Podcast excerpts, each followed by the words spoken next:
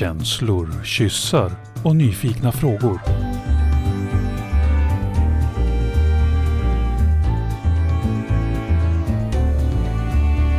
Pollyprat med Minna och Karin. Hej och välkommen till Pollyprat idag. Ytterligare en fredag. Eh, hej Karin! Hej, vad fint att sitta här med dig. Vad ska vi göra idag? Idag så ska vi prata med en av mina favoritpersoner, Li Tada. Välkommen! Tack så mycket. Vad härligt att bli inbjuden som favoritperson. Det var inte det varje dag. Ja, alltså vi känner ju inte varandra privat eh, sådär, eh, men jag har ju gått på många av dina workshops genom åren eh, Mm. och har alltid kommit ut ur dem ganska lycklig och ibland berörd. Mm. Mm. Jag Li- ganska lycklig. Ja, men alltså, Okej, jag har alltid kommit ut, jag har ofta kommit ut väldigt lycklig. Eh, men jag har också varit på workshop med dig som jag har kommit ut ifrån och varit väldigt berörd. Eh, och väldigt eh, ja, men, eh, påverkad. Mm. Och där det vissa tankar har kommit igång. för, för Li är ju en människa som håller kurser i allt möjligt ifrån dans till någon slags, eh, alltså det jag titt, när jag ser liksom vad du gör och det lilla, jag har ju också varit på någon kurs, det ser jag ju att du liksom väver ihop väldigt många olika världar.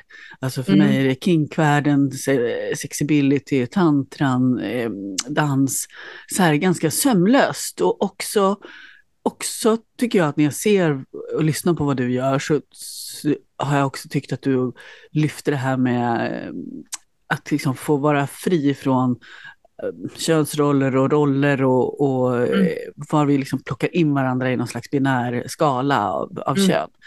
Eh, så jag tycker att du är en så spännande människa att få prata med, om, Ja. med här. Liksom. För vi har ju en ingång i att vi pratar poly eh, och det ska bli så spännande att få höra liksom, var du är någonstans.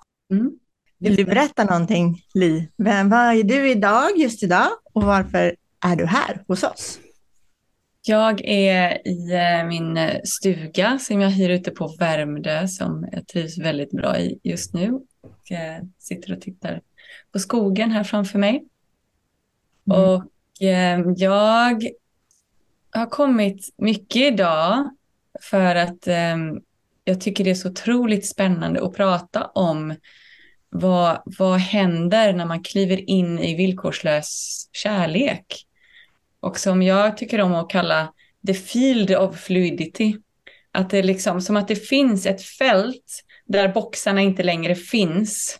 Där man själv skapar nya typer av relationer. Där man ifrågasätter allt som brukar göras helt enkelt. Men att det inte, man gör det inte från en politisk plats av att här, jag har rätten att göra det här. Utan man kliver in, det är som att byta glasögon, hur man Mm. ser på världen. Och då blir det ett helt annat typ av relaterande helt naturligt. Mm.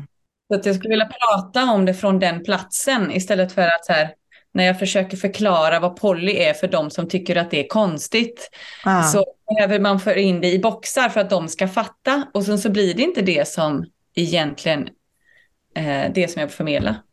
Li, Li, skulle du vilja berätta lite grann om, eh, är du, har du många relationer? Och, och hur, hur ser din ingång till det här ut? Från, liksom lite grann kort vad som, hur det här har vuxit fram hos dig? Jag har relaterat öppet ja, men, de största delarna av mitt liv. Eh, det kommer också från att, eh, eller när jag var yngre, jag har aldrig haft en sån där jättemånga år monogam relation. Mm. Jag har oftare varit singel i mitt liv och dejtat olika personer, men då fanns det inget poly-alternativ som jag visste om när jag var Mm. yngre. Sen när det uppdagade sig och blev populärt och man pratade mer om poly, eh, när kan det ha varit? Ja, men eh, drygt 10-12 år sedan när jag var sådär 25 eller sådär, som jag började bli nyfiken på det. Eh, åkte till Burning Man och sånt för första gången. Eh, 2010, så det var väl i, i de vevorna ungefär. Som det var så här, jag minns att jag blev intresserad av en kille Och så kommer hans tjej fram till mig och säger Hej, jag, uh, jag känner att uh, du och min partner uh, liksom matchar er energi och jag ville bara lära känna dig. Och jag så här, fick en tupp i halsen och bara liksom, Oj, jag gör något fel. Det där var helt sjukt. um, så det börjar någonstans där att, um, att förstå att om vi kan vara helt öppna och vilja möta alla som är involverade i olika typer av relationer med öppet hjärta så ökar vi vår potential att kunna ha eh, öppna och flyda relationer. Mm.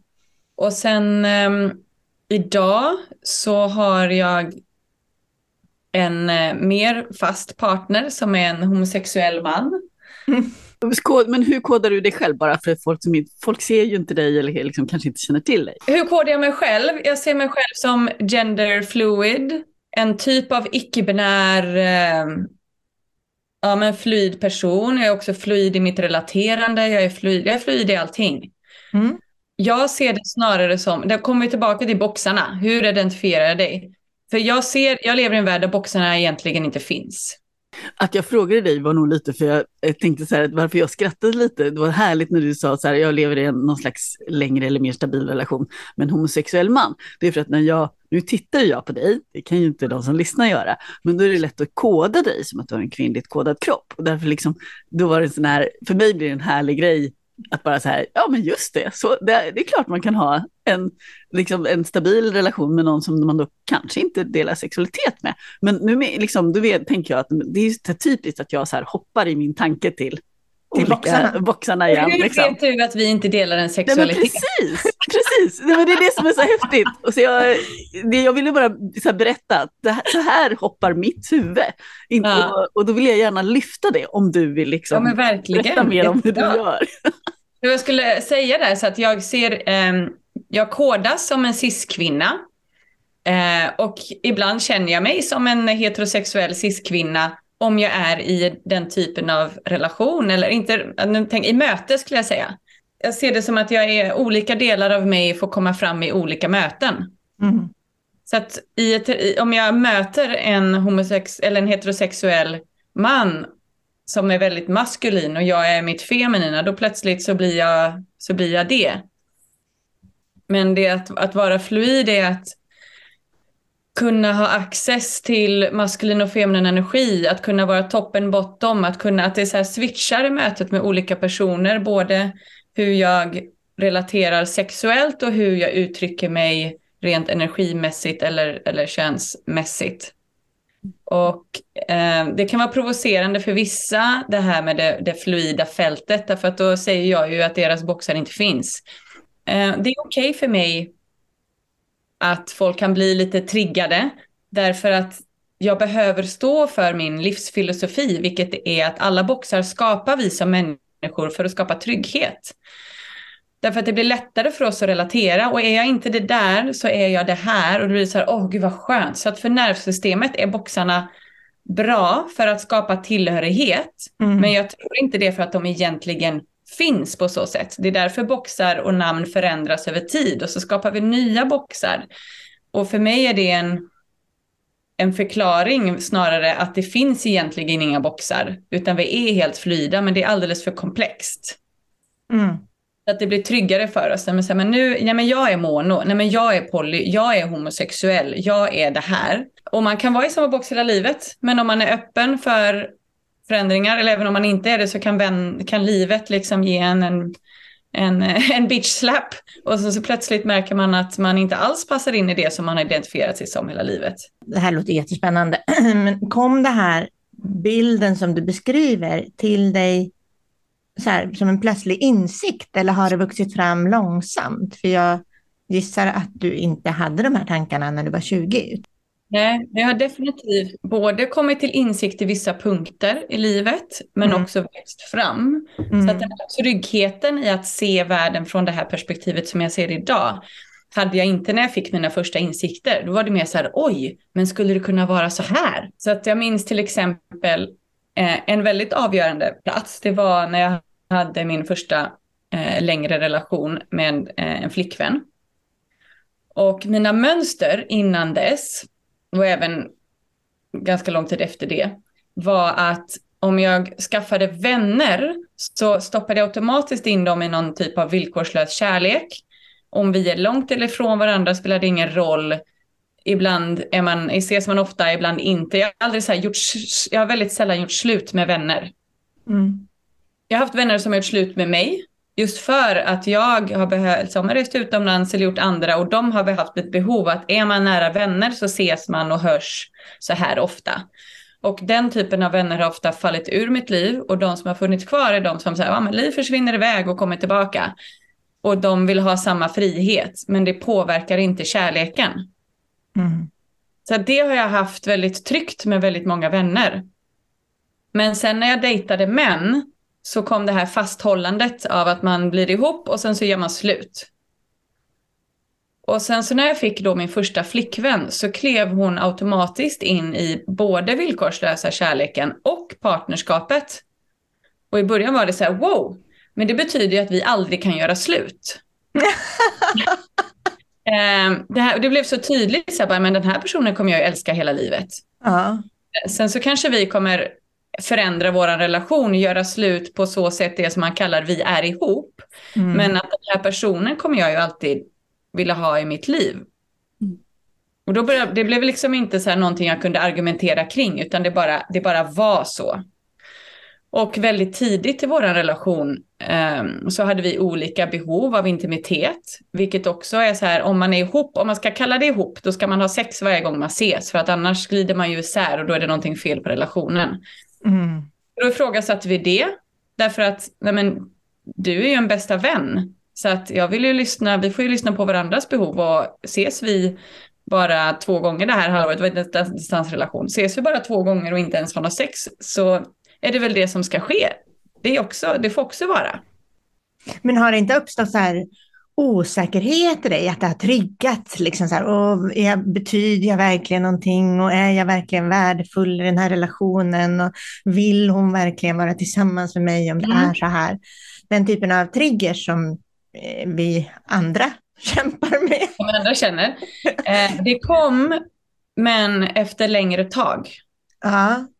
Så att det kommer inte det här liksom automatiska, det här i dejtandet, fasthållandet och vad ska bli och liksom alla osäkerheter som ofta triggas i början och som oftare triggas med mig när jag har dejtat män.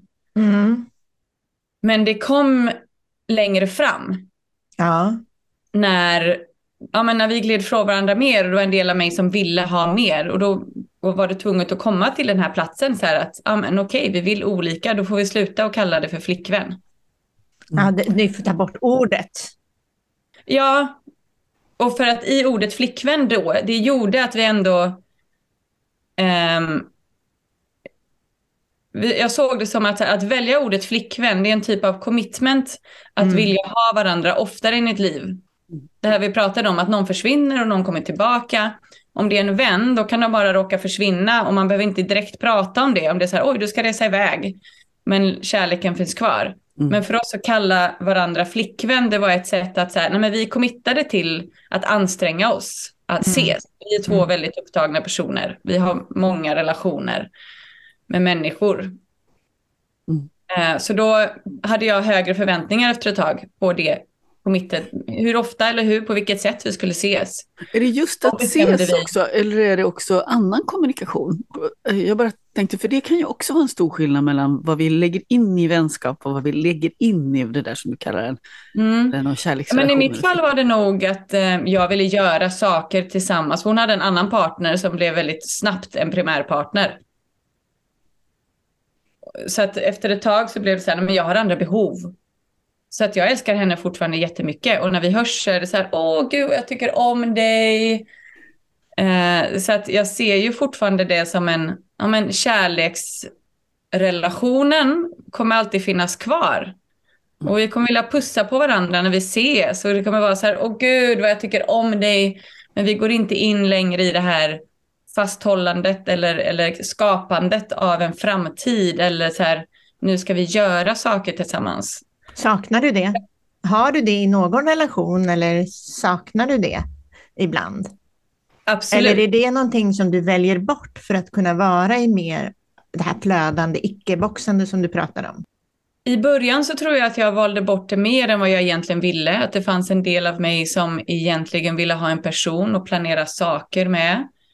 Och eh, då genom att ha de här andra typerna av relationerna så hade jag alltid relationer men jag kanske inte hade egentligen exakt det jag ville ha. Mm. Mm. Så det har blivit, så där har jag haft någon, eh, för några år sedan hade jag en, en längre relation och då blev jag mer åtminstone sexuellt eller penetrativt monogam under den perioden. Mm. Därför att jag kände inte för att ha en sån djup relation med andra personer. Så det ser jag också som del av det här flyda, att det inte så här, ja men jag, mina relationer ser ut exakt så här, utan det handlar också om att, att jag ska svara på din fråga så kommer jag tillbaka till det filosofiska. Så frågan var eh, mina behov av att ha en person, så att min, eh, min partner just nu, Marcos, eh, han är från Brasilien och han är här nu tre månader. Mm. Eh, och det känns som en så här, eh, ja vi ska undervisa massa i sommar och göra massa spännande saker. Åh, vad kul! Vad härligt att ha, eller och utmanande kanske. Vilket av det? Nej, Att ha- kul och utmanande att, att vara tillsammans, tänker jag. Om man har en långdistansrelation. Och sen att vara... Alltså, jag tror att det någonstans på ett sätt hjälper att vi inte har den penetrativa delen av intimiteten. Vi har väldigt mycket intimitet, vi har känslomässig intimitet, vi har sensuell och även sexuell intimitet, men det är inte det som är en magnet.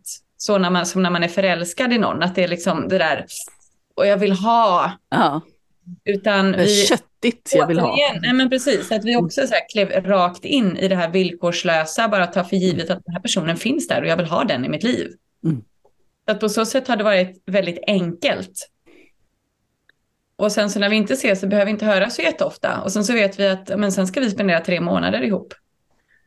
Och det känns, så vi säger så här ibland så här, "Nej, he's not really my lover, he's more my husband.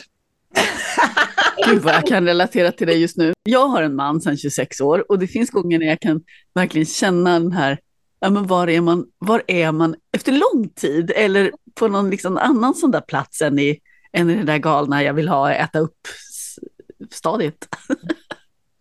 Ja men precis, så det är som att vi klev rakt in i det. Mm.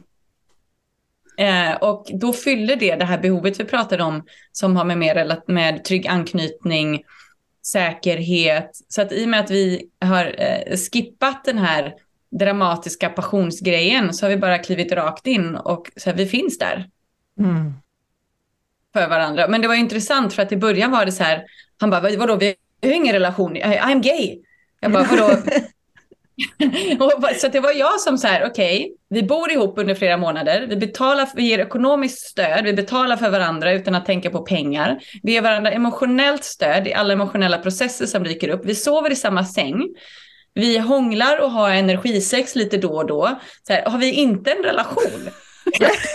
Jag skulle säga att det är väldigt många människor som inte har klivit upp alla de, vad det nu är, liksom, de stegen på någon relationstrappa som Nej, inte in i definitivt fickan, så då är det inte en relation. Ja men åh, hej, ja, nu orkar jag inte ens. Och så då vet jag inte ens. Och måste en kuk vara inblandad för relation till att börja med? Ja, exakt. Så här, och, och jag känner ju hela så här, det lesbiska communityt blir lite så här. Mm. Exakt. Ehm, Men, jag, men jag fattar. det är ju socialt accepterat att vara två lesbiska och det är inte någon kuk inblandad. Men är det en person med en kuk, då ska ju kuken vara inblandad. Liksom. Då måste, ja men det är ju spännande. Att om kuken är närvarande så måste den in, helst då i en fitta. Ja, men då måste ja. den in i ett hål, annars är man inte ihop. I ett hål! Ja, det är det som, där har vi grunden. Det är grunden till hela vårt, kan man säga, vårt, ja, hela vårt samhällsbygge. Den där kuken ska in i ett hål, annars vet vi inte vad det är. Nej men visst är det spännande hur vilken, vilken jätteliten låda vi försöker trycka in. I, Liksom.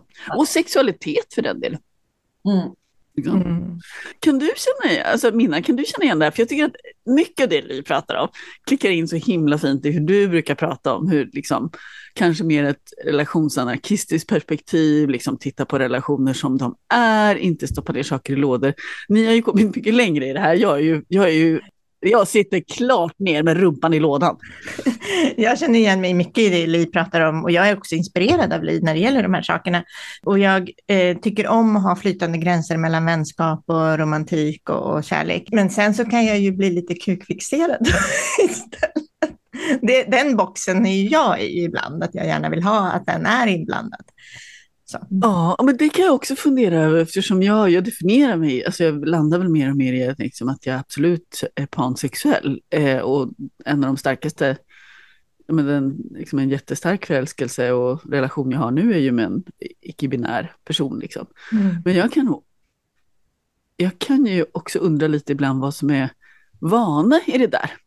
Eh, eftersom jag är ändå jag kodad, eh, liksom fått det är det jag har övat mig på mest i hela mitt liv. Det är hur mm. man gör med, med, med den där kuk-grejen mm. i, i sexuella situationer. Vad är också att det här är bekant och det här är, det här är liksom den stora motorvägen i hjärnan av hur ja. sexuell upp, upphetsning och, och så ser ut.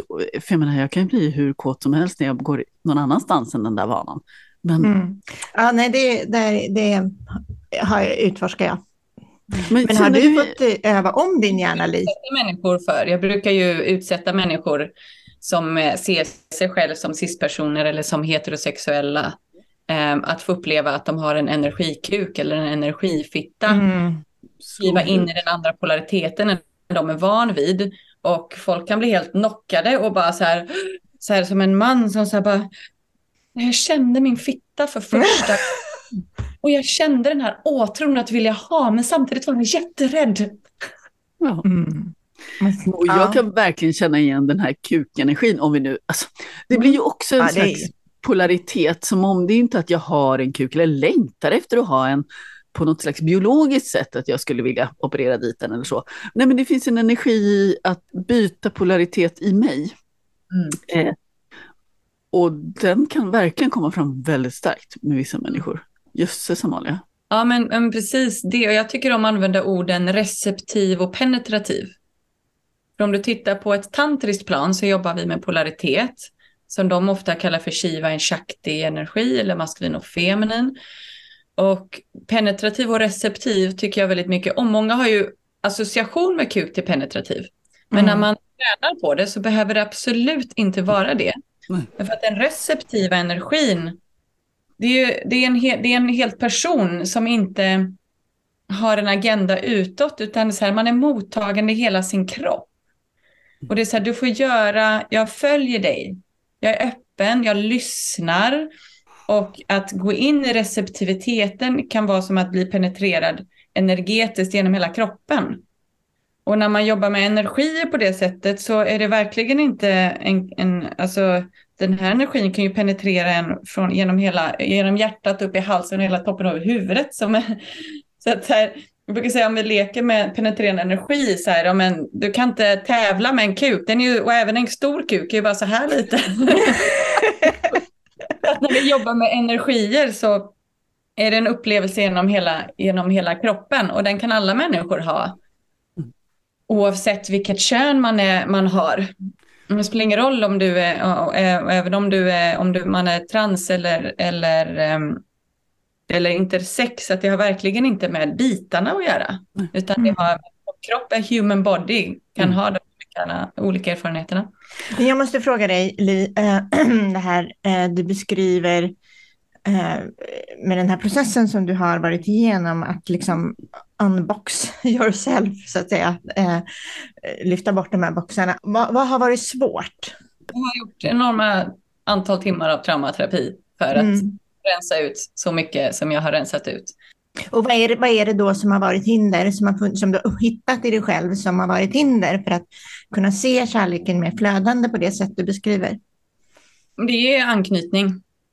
Mm för mig är det att se att jag och hur jag ser det, alla människor, är inte så enkla att stoppa in återigen i boxar som att man är antingen ehm, ängslig anknuten eller undvikande anknytning. Utan det är behov som dyker upp i våran kropp som alla har. Och det ena är att vi har behov att vara nära. Och det andra är att vi har behov att få vara oss själva och att ha vårt eget space. Och det är två väldigt mänskliga behov. Och när det står upp, uppstår det relationer så ser man det mer undvikande. Som att så här, ja, men du älskar mig mindre.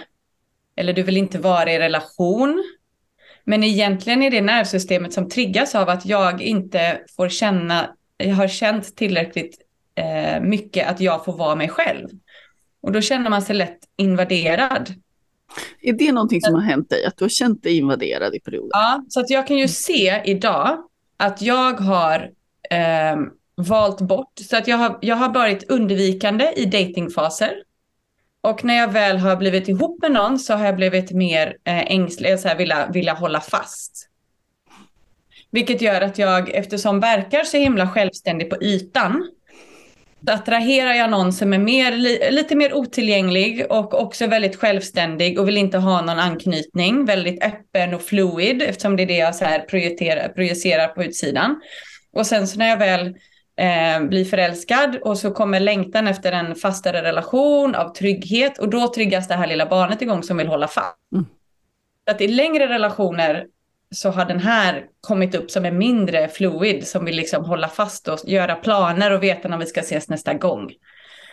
Och på andra sidan i datingfaser så kan jag ju se, nu, eh, framförallt bara det senaste året, så har jag sett hur många som har varit, som jag har haft sex med en gång eller hånglat med en gång eller varit intresserad av mig, som jag bara träffat en gång och sen så har min, mitt nervsystem gått in i någon typ av trängdhetsstat som en typ av freeze respons. Mm. Och min hjärna har tänkt, äh, men det är fel, det är inte den här personen heller.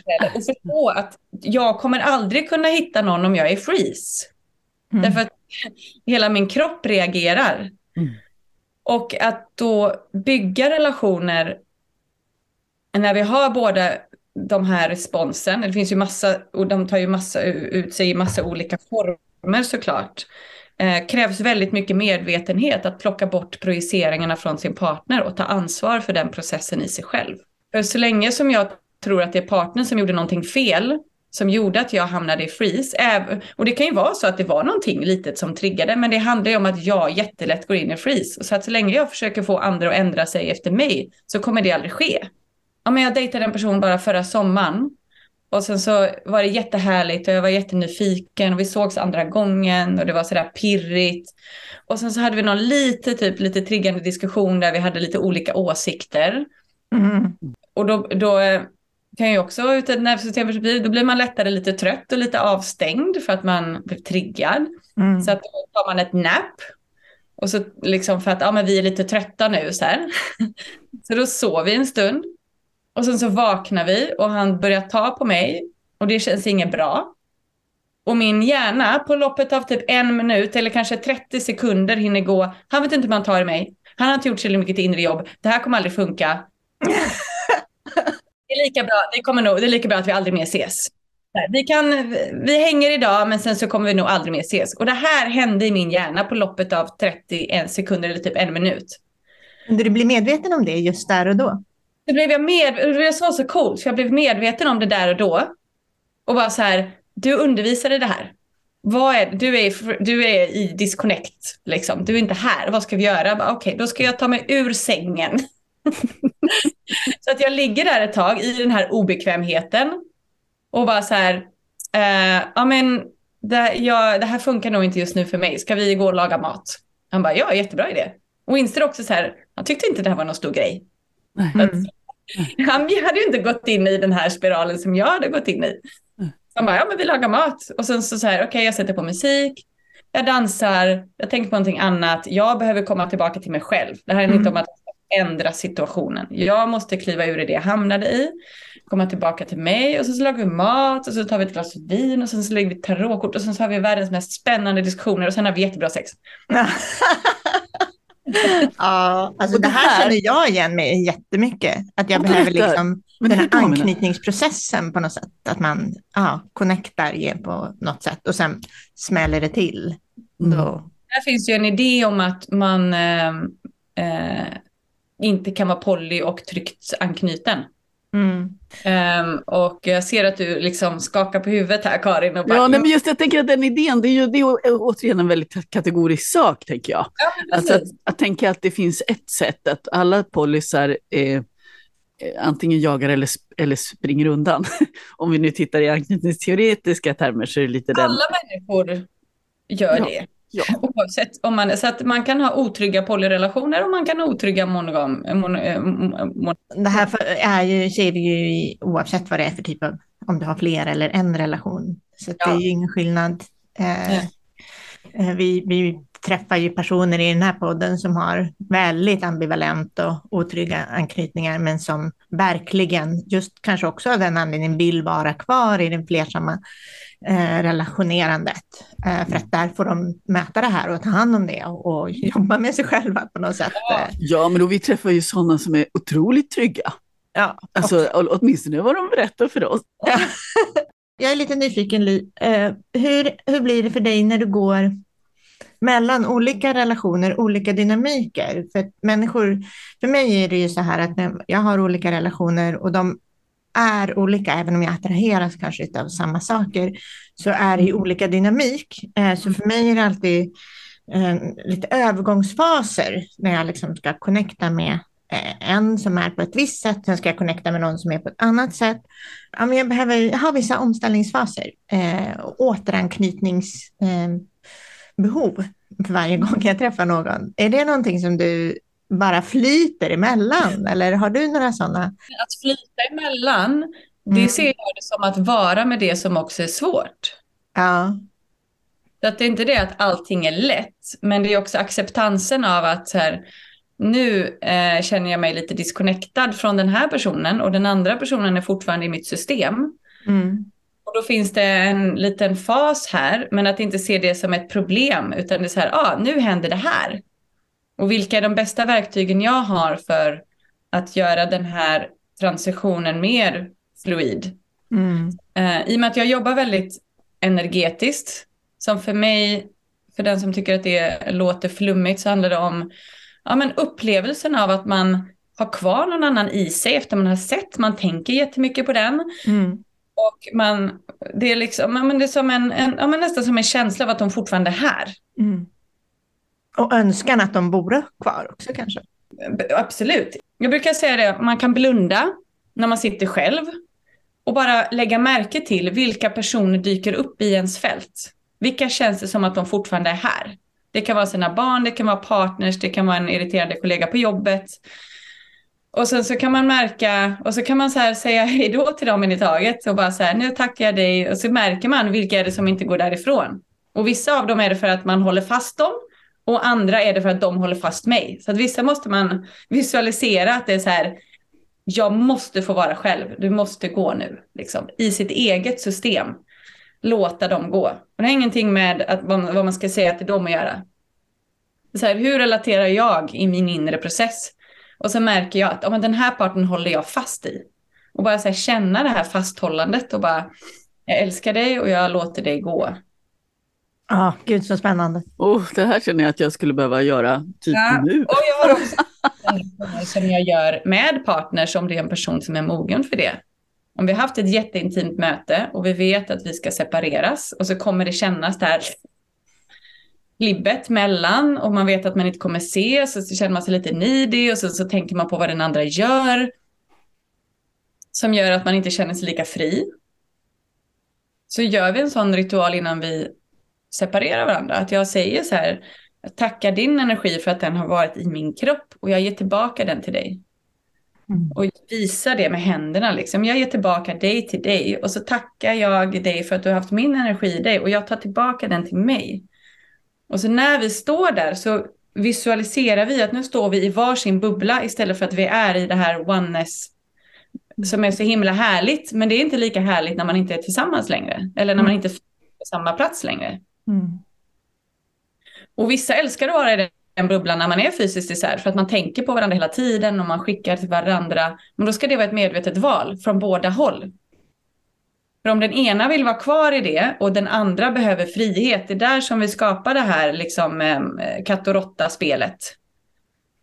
Men om vi kommer överens om hur vi vill ha det och när, hur, vi, hur vi separerar den bubblan.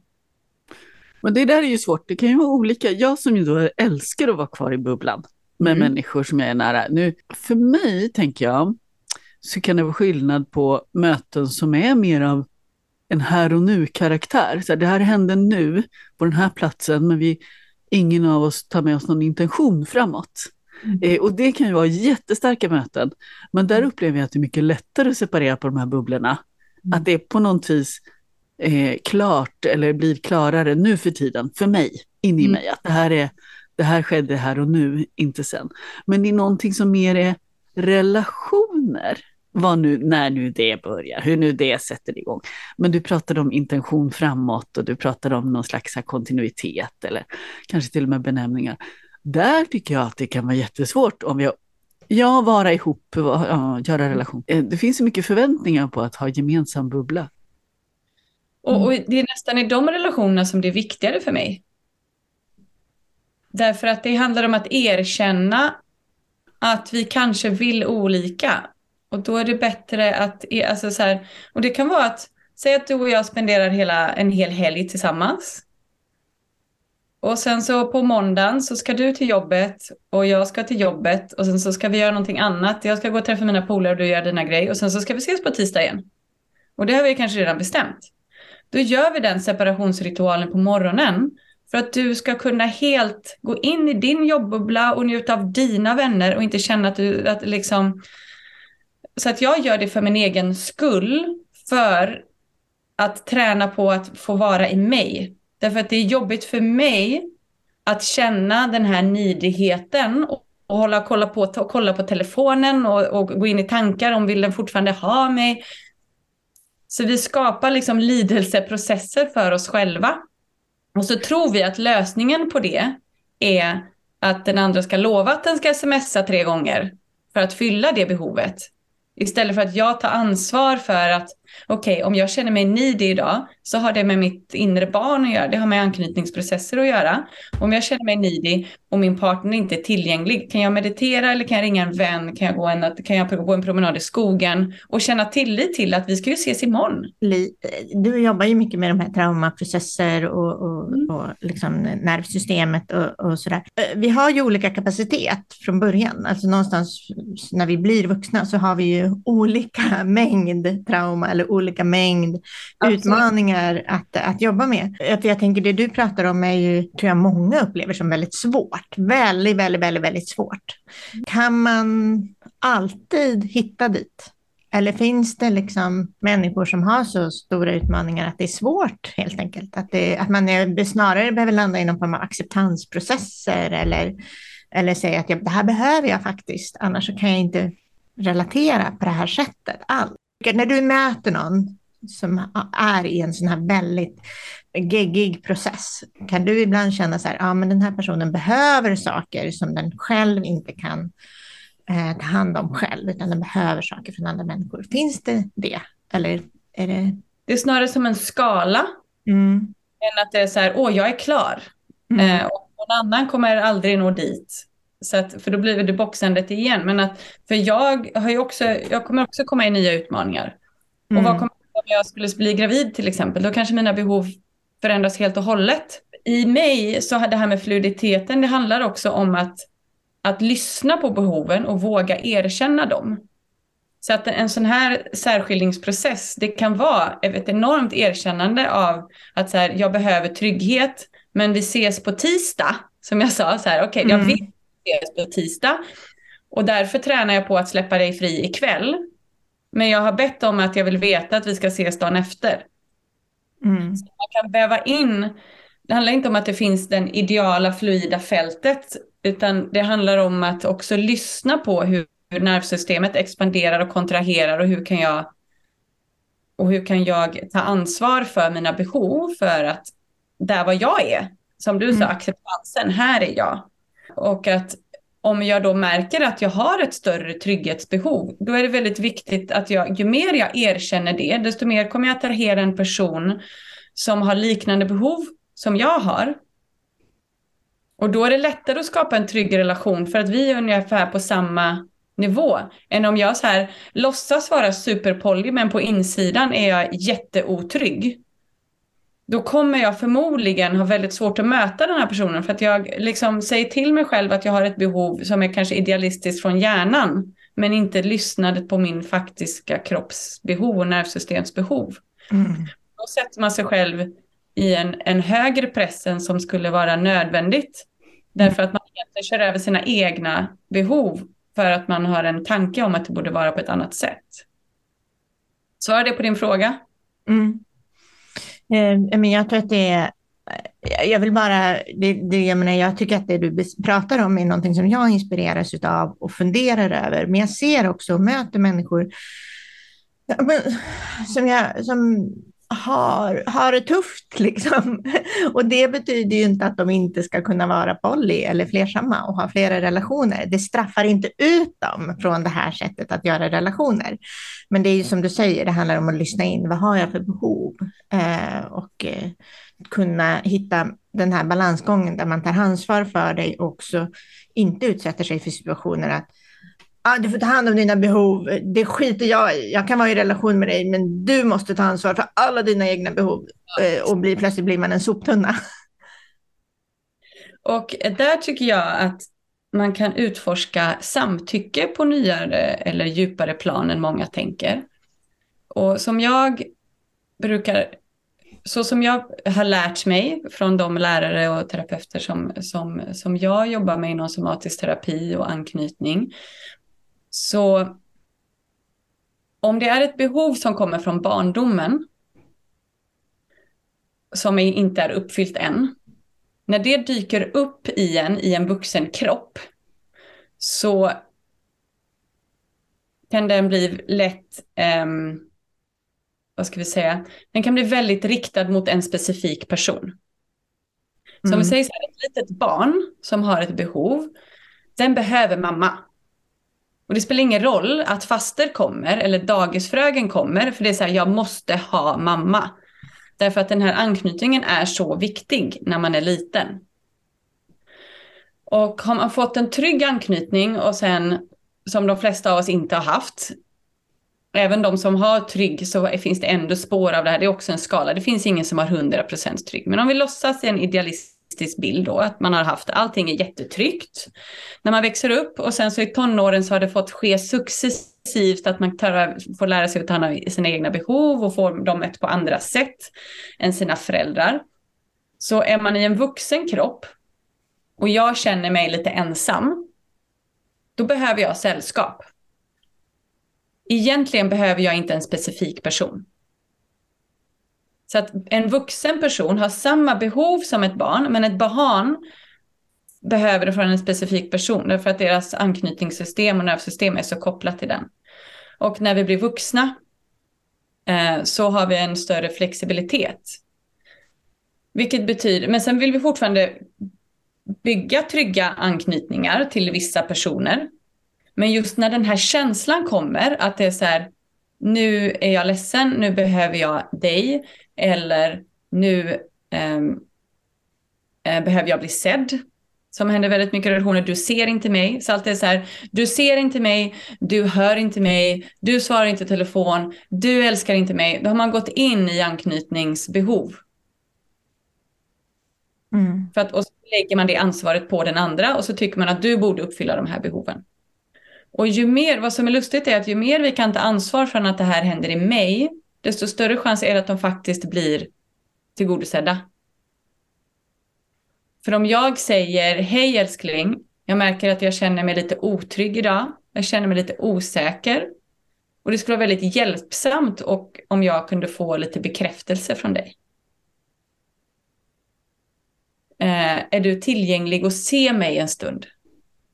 Mm. Ja, såklart. Oj, förlåt, jag har varit jätteupptagen med massa andra. Vad behöver du? Vill du bara sitta här och titta på mig och hålla mig i händerna och säga att du älskar mig? ja, men det är klart jag kan. Istället till, ja, du borde fatta att jag behöver ett sms. Och du måste avboka ditt jobb och vara hemma med mig ikväll. Ja. Vi försöker förändra den andra och vi förändrar relationen och skapar det som är en illusion egentligen för trygghet, när egentligen om vi vågar be om precis det vi vill ha så händer någonting i nervsystemet. Man bara, åh gud, nu känner jag mig faktiskt trygg igen. Nu kan du få gå. Och det har inte med att göra med hur traumatiserad man är eller hur mycket bagage. Det gäller alla. Det handlar om att kunna lära sig och specificera vad är det egentligen precis som jag behöver. Mm. Och det här är så spännande. Jag vet inte om, om ni också känner det här att det dyker upp situationer i er. Jag tänker ni som lyssnar också. Dyker det upp situationer när ni känner, åh, jag bad om eh, egentligen någonting annat än vad jag behövde, för det är så svårt. Det är så svårt att gå tillbaka till den här första, eh, den här behovet som ligger under eh, under att jag, jag, nej det dök upp. Men samtidigt är det ju sant, om en partner säger jag ska bort då, jag ska bort då, jag ska bort då, då kommer ju den här, ofta det du beskrev Li, så här, jag behöver din närvaro en stund. Att du ser mig, att du är närvarande. Hur skulle det kunna ordnas? Det är ju liksom en, mer en grundfråga än varför ska du vara borta tio dagar eller ikväll. Mm. Och också så att så här, jag märker att jag är jättestressad. Jag kommer inte kunna ge dig den närvaron just nu. Mm. Men när jag har gjort klart allt det här innan jag går, då kan jag tänka mig att sätta mig ner och göra det med mm. dig. Eller att personen eh, inte är tillgänglig och kunna erkänna, för då blir det också så här, nej men då är det för att du inte älskar mig. Mm. För att du inte gör det här för mig. Men om det istället så, okej, okay, jag märker att min partner är jätteuppe i huvudet för att den har en, äh, ett projekt som ska vinna nästa fredag. Den kommer förmodligen inte kunna ge mig den närvaron förrän efter nästa fredag. Eller är med andra, andra partners. Ja, den är med en annan, ja men precis. Vilket ju kanske är vanligt i våra... Snack här. Så vi tar det exemplet är mycket bättre. Så att det är så här, jag har ett närhetsbehov. Vi har nu kommit överens om att den ska vara med din partner nästa, hela den här veckan. Och jag kommer inte kunna träffa den. Okej, okay, vad är mitt behov? Det är att jag känner, behöver känna mig älskad. Och kan jag då så här, vem kan jag känna mig älskad av? Det kan vara en vän. Och det kan också vara såklart i slutändan är det att kunna koppla in det på sin egen självkärlek. Kan jag koppla in, kan jag känna mig hållen? Och det kan man träna på. Men att, er, men att, så här, att ringa till en vän och säga Istället för att ringa till vännen och säga det är så jävla jobbigt och han ringer inte, nu är han med sin andra partner eh, och eh, han svarar inte telefon eller när jag ber om bekräftelse så får jag inte det kan jag istället ringa till min, par, till min kompis och säga hej, jag känner mig ensam. Kan du sitta här med mig? Kan du säga att du finns här med mig? Det är så här, jag har ett behov och jag ber om hjälp att få det tillgodosett. Men om jag är kvar i snurren, jag måste få det från honom, så, så, så, så, fastnar vi i den här yngre barns snurren som tror att den måste ha mamma. Men det är så här, men vänta nu, jag är vuxen, kan jag kliva in i min vuxna? Det är jobbigt. Det betyder inte att det är skönt. Mm. eh, men, det, men att träna på den processen, så bara hej Minna, nu känner jag mig så här. Och så säger du, vad behöver du? Kan du säga att du eh, är min vän och att du finns här och att du gärna lyssnar? Okej. Okay. Det gör vi man... jättemycket Karin. hela tiden. jag tänkte Li, det är så... Det faktiskt funkar. Mm. Att I början så är det svårt för att man är så kvar i men jag måste ha det från den, jag måste ha det från den. Och sen så när man har fått några upplevelser att man bara så här. Jag vet, jag minns en polyrelation där jag var och så skulle eh, så skulle eh, så hade jag ställt in i, i, i hjärnan på att vi skulle ses. Så sa han så här, Uh, ja, men uh, nu har jag varit med henne hela helgen. Jag känner att jag behöver en dag för mig själv inemellan. Och då var det så här dubbel rejection. Det är så här, jaha, du har inte bara varit med någon annan över helgen, men nu när vi väl ska ses så behöver du rejecta mig igen för att du behöver vara med, med dig själv och där var jag liksom så här, där hade jag byggt upp behovet att vara med den och jag hade det här liksom, mm. men sen så gick jag ut och dansade där det finns massa människor som jag tycker om. Och sen så plötsligt glömmer jag bort det och sen så på slutet av kvällen så här, oj, vad var det jag var ledsen för? Ja, ja men just det, det var ju det. Mm. Att, så här, är, att ta ansvar för olika sätt som jag kan mm. fylla mina behov. Men också att, um, att i slutändan kommer jag vilja ha det från den partnern. Men när är du tillgänglig? så här, hej, jag har ett behov att connecta med dig för att vi ska känna att vår relation är viktig. När är du tillgänglig för det? Istället för, kan vi göra det nu? Kan vi göra det nu? Du, hör, du ser mig inte. Och så ger man den tid och bara, ah, ja men på tisdag, ja, okej. Okay. Jag tänker på den här osymmetrin. Jag menar, det, det, blir ju då ofta väldigt osymmetriskt att, att eh, en kanske, ja men jag behöver, du säger, när är du tillgänglig för det jag vill ha och dela med dig? Och den andra säger ja jag är det var tredje vecka. Eh, och jag känner, men jag vill ju ha det fyra gånger i veckan helst. Uh, he, liksom, det, det är så, då kan man vara i en enorm osymmetri för att då, blir, då, upplever, då kommer man ju aldrig dit. Ja, jag får, han säger att jag, eller hon säger att jag får det jag ber om, men alldeles för sällan.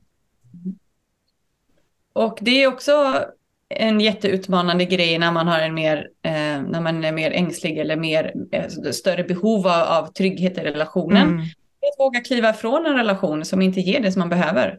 Mm.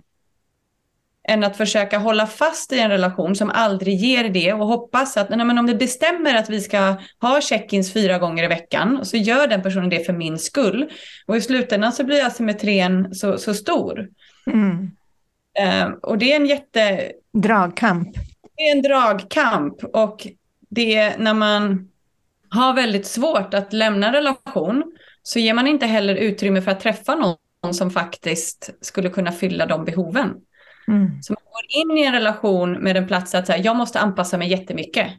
Och då går man in i en relation där man måste anpassa sig jättemycket och sen så är man kvar där så vågar man inte lämna den för att man väl inte vill vara ensam. Men när man börjar våga hedra att vänta nu så här, jag, behöver, jag vill ha en relation där vi hörs minst fyra gånger i veckan, annars är det inte värt för mig.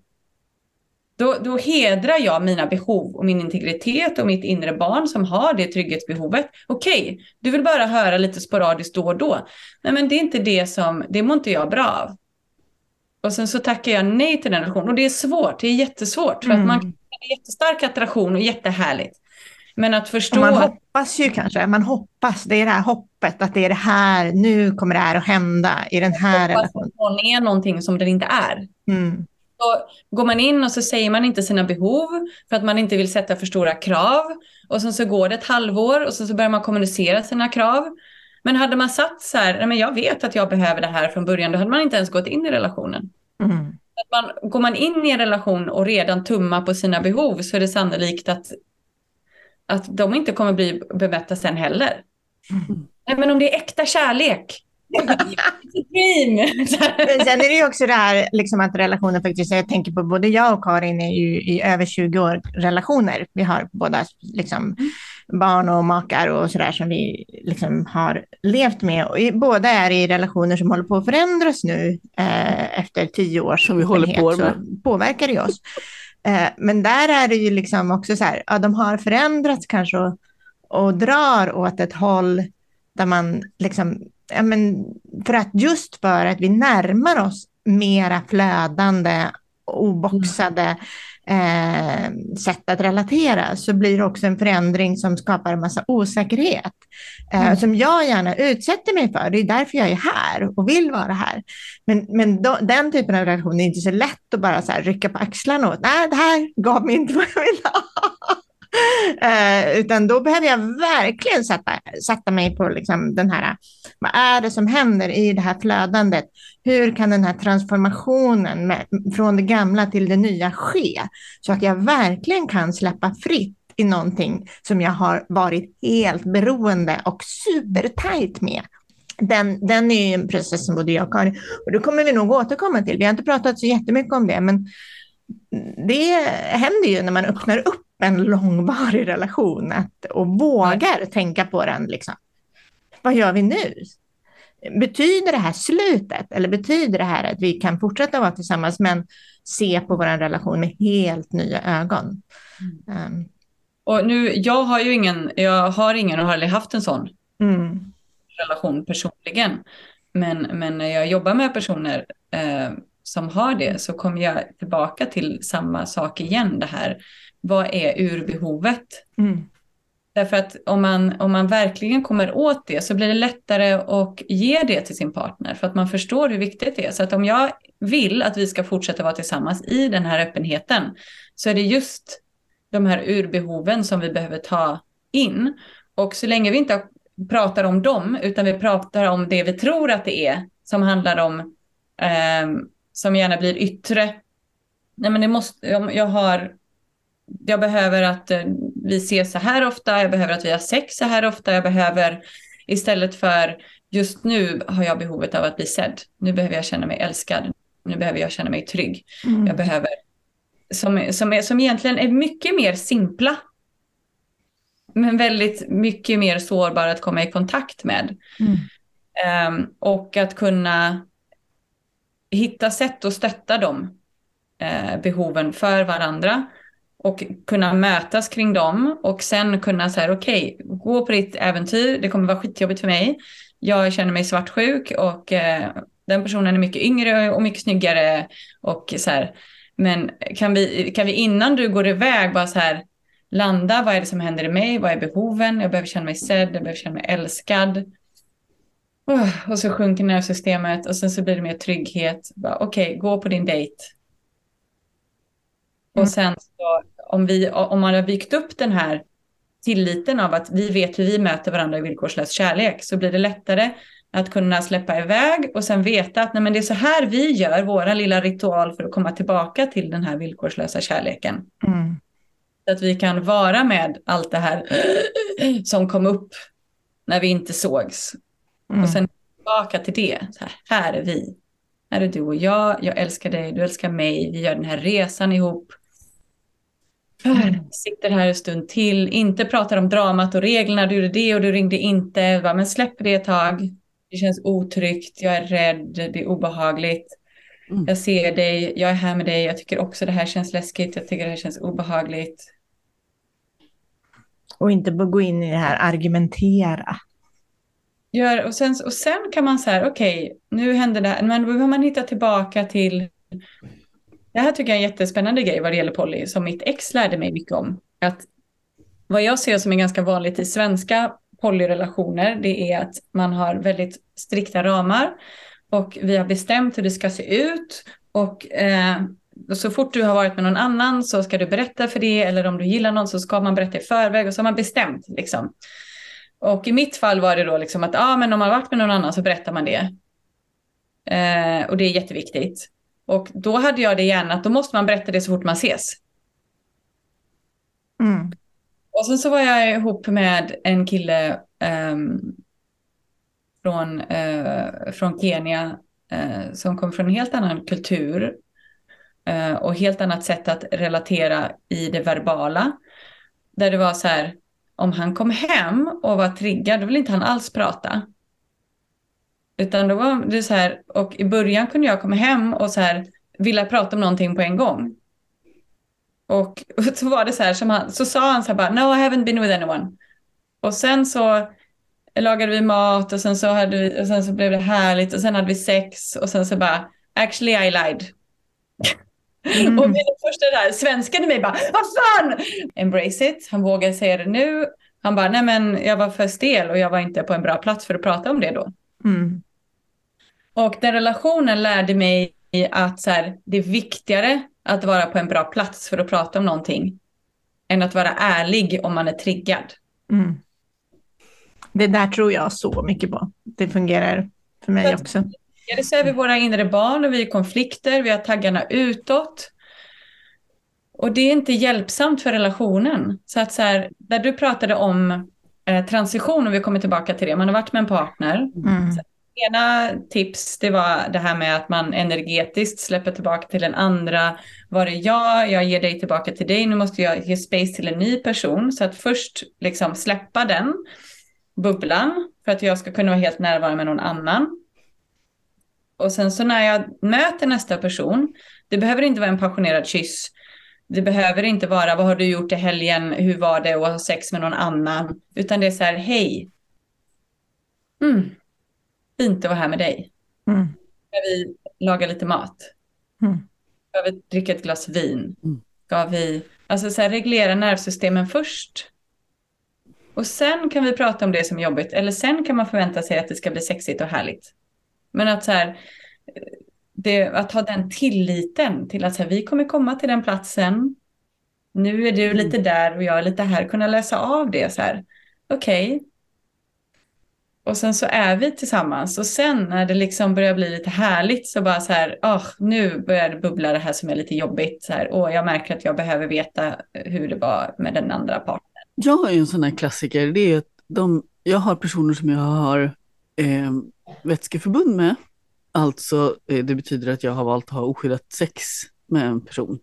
Eller, eller ibland fler.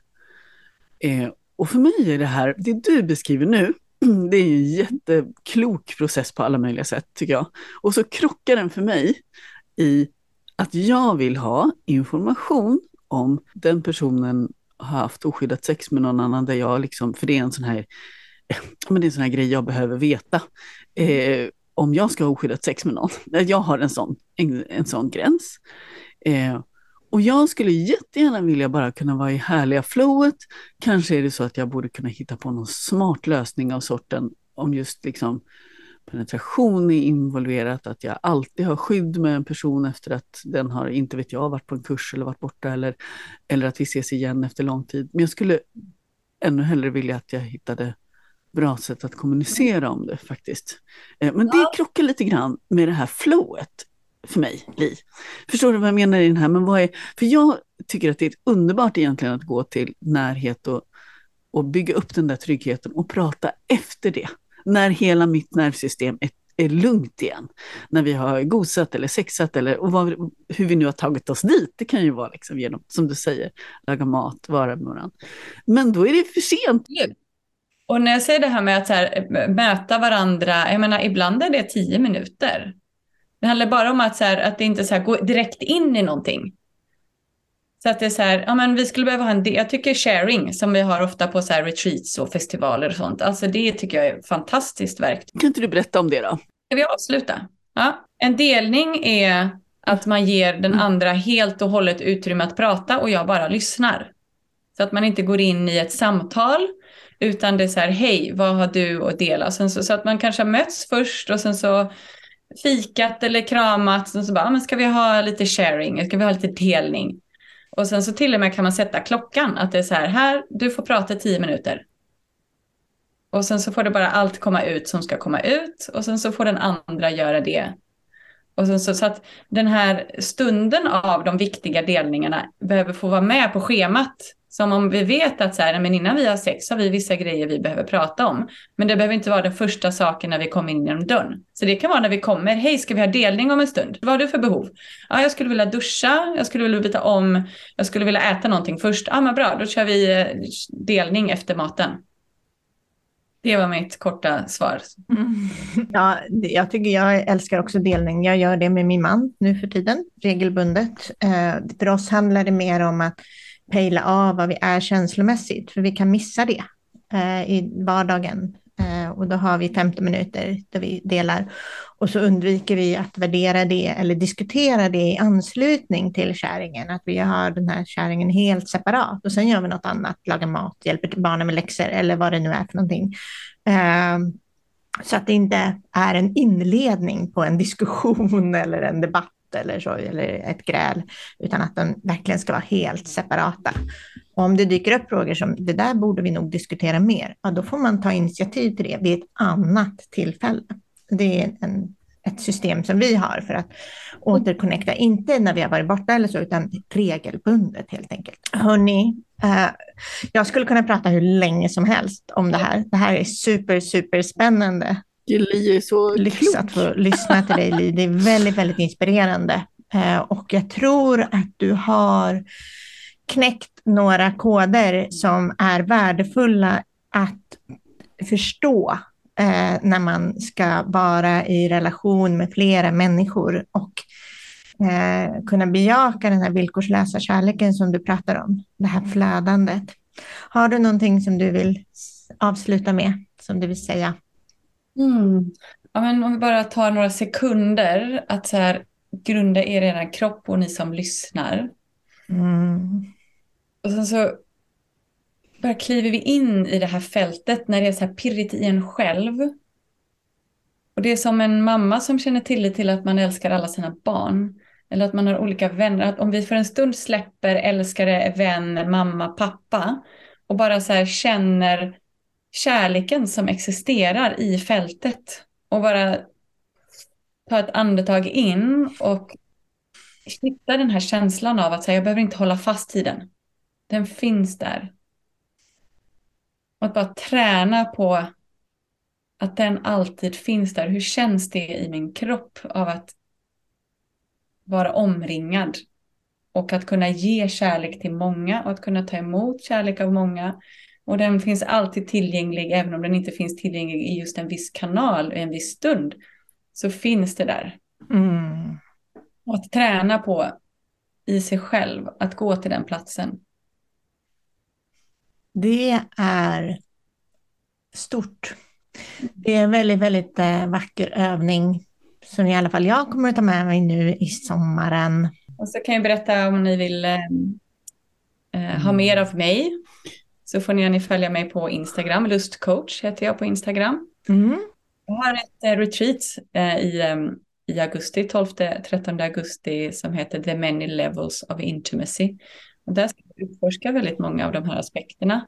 Hur kan man möta varje person på ett intimt plan, inte bara sexuellt? Vad är, vad är intimitet? På många olika sätt. Och hur kan jag öppna upp mig för det?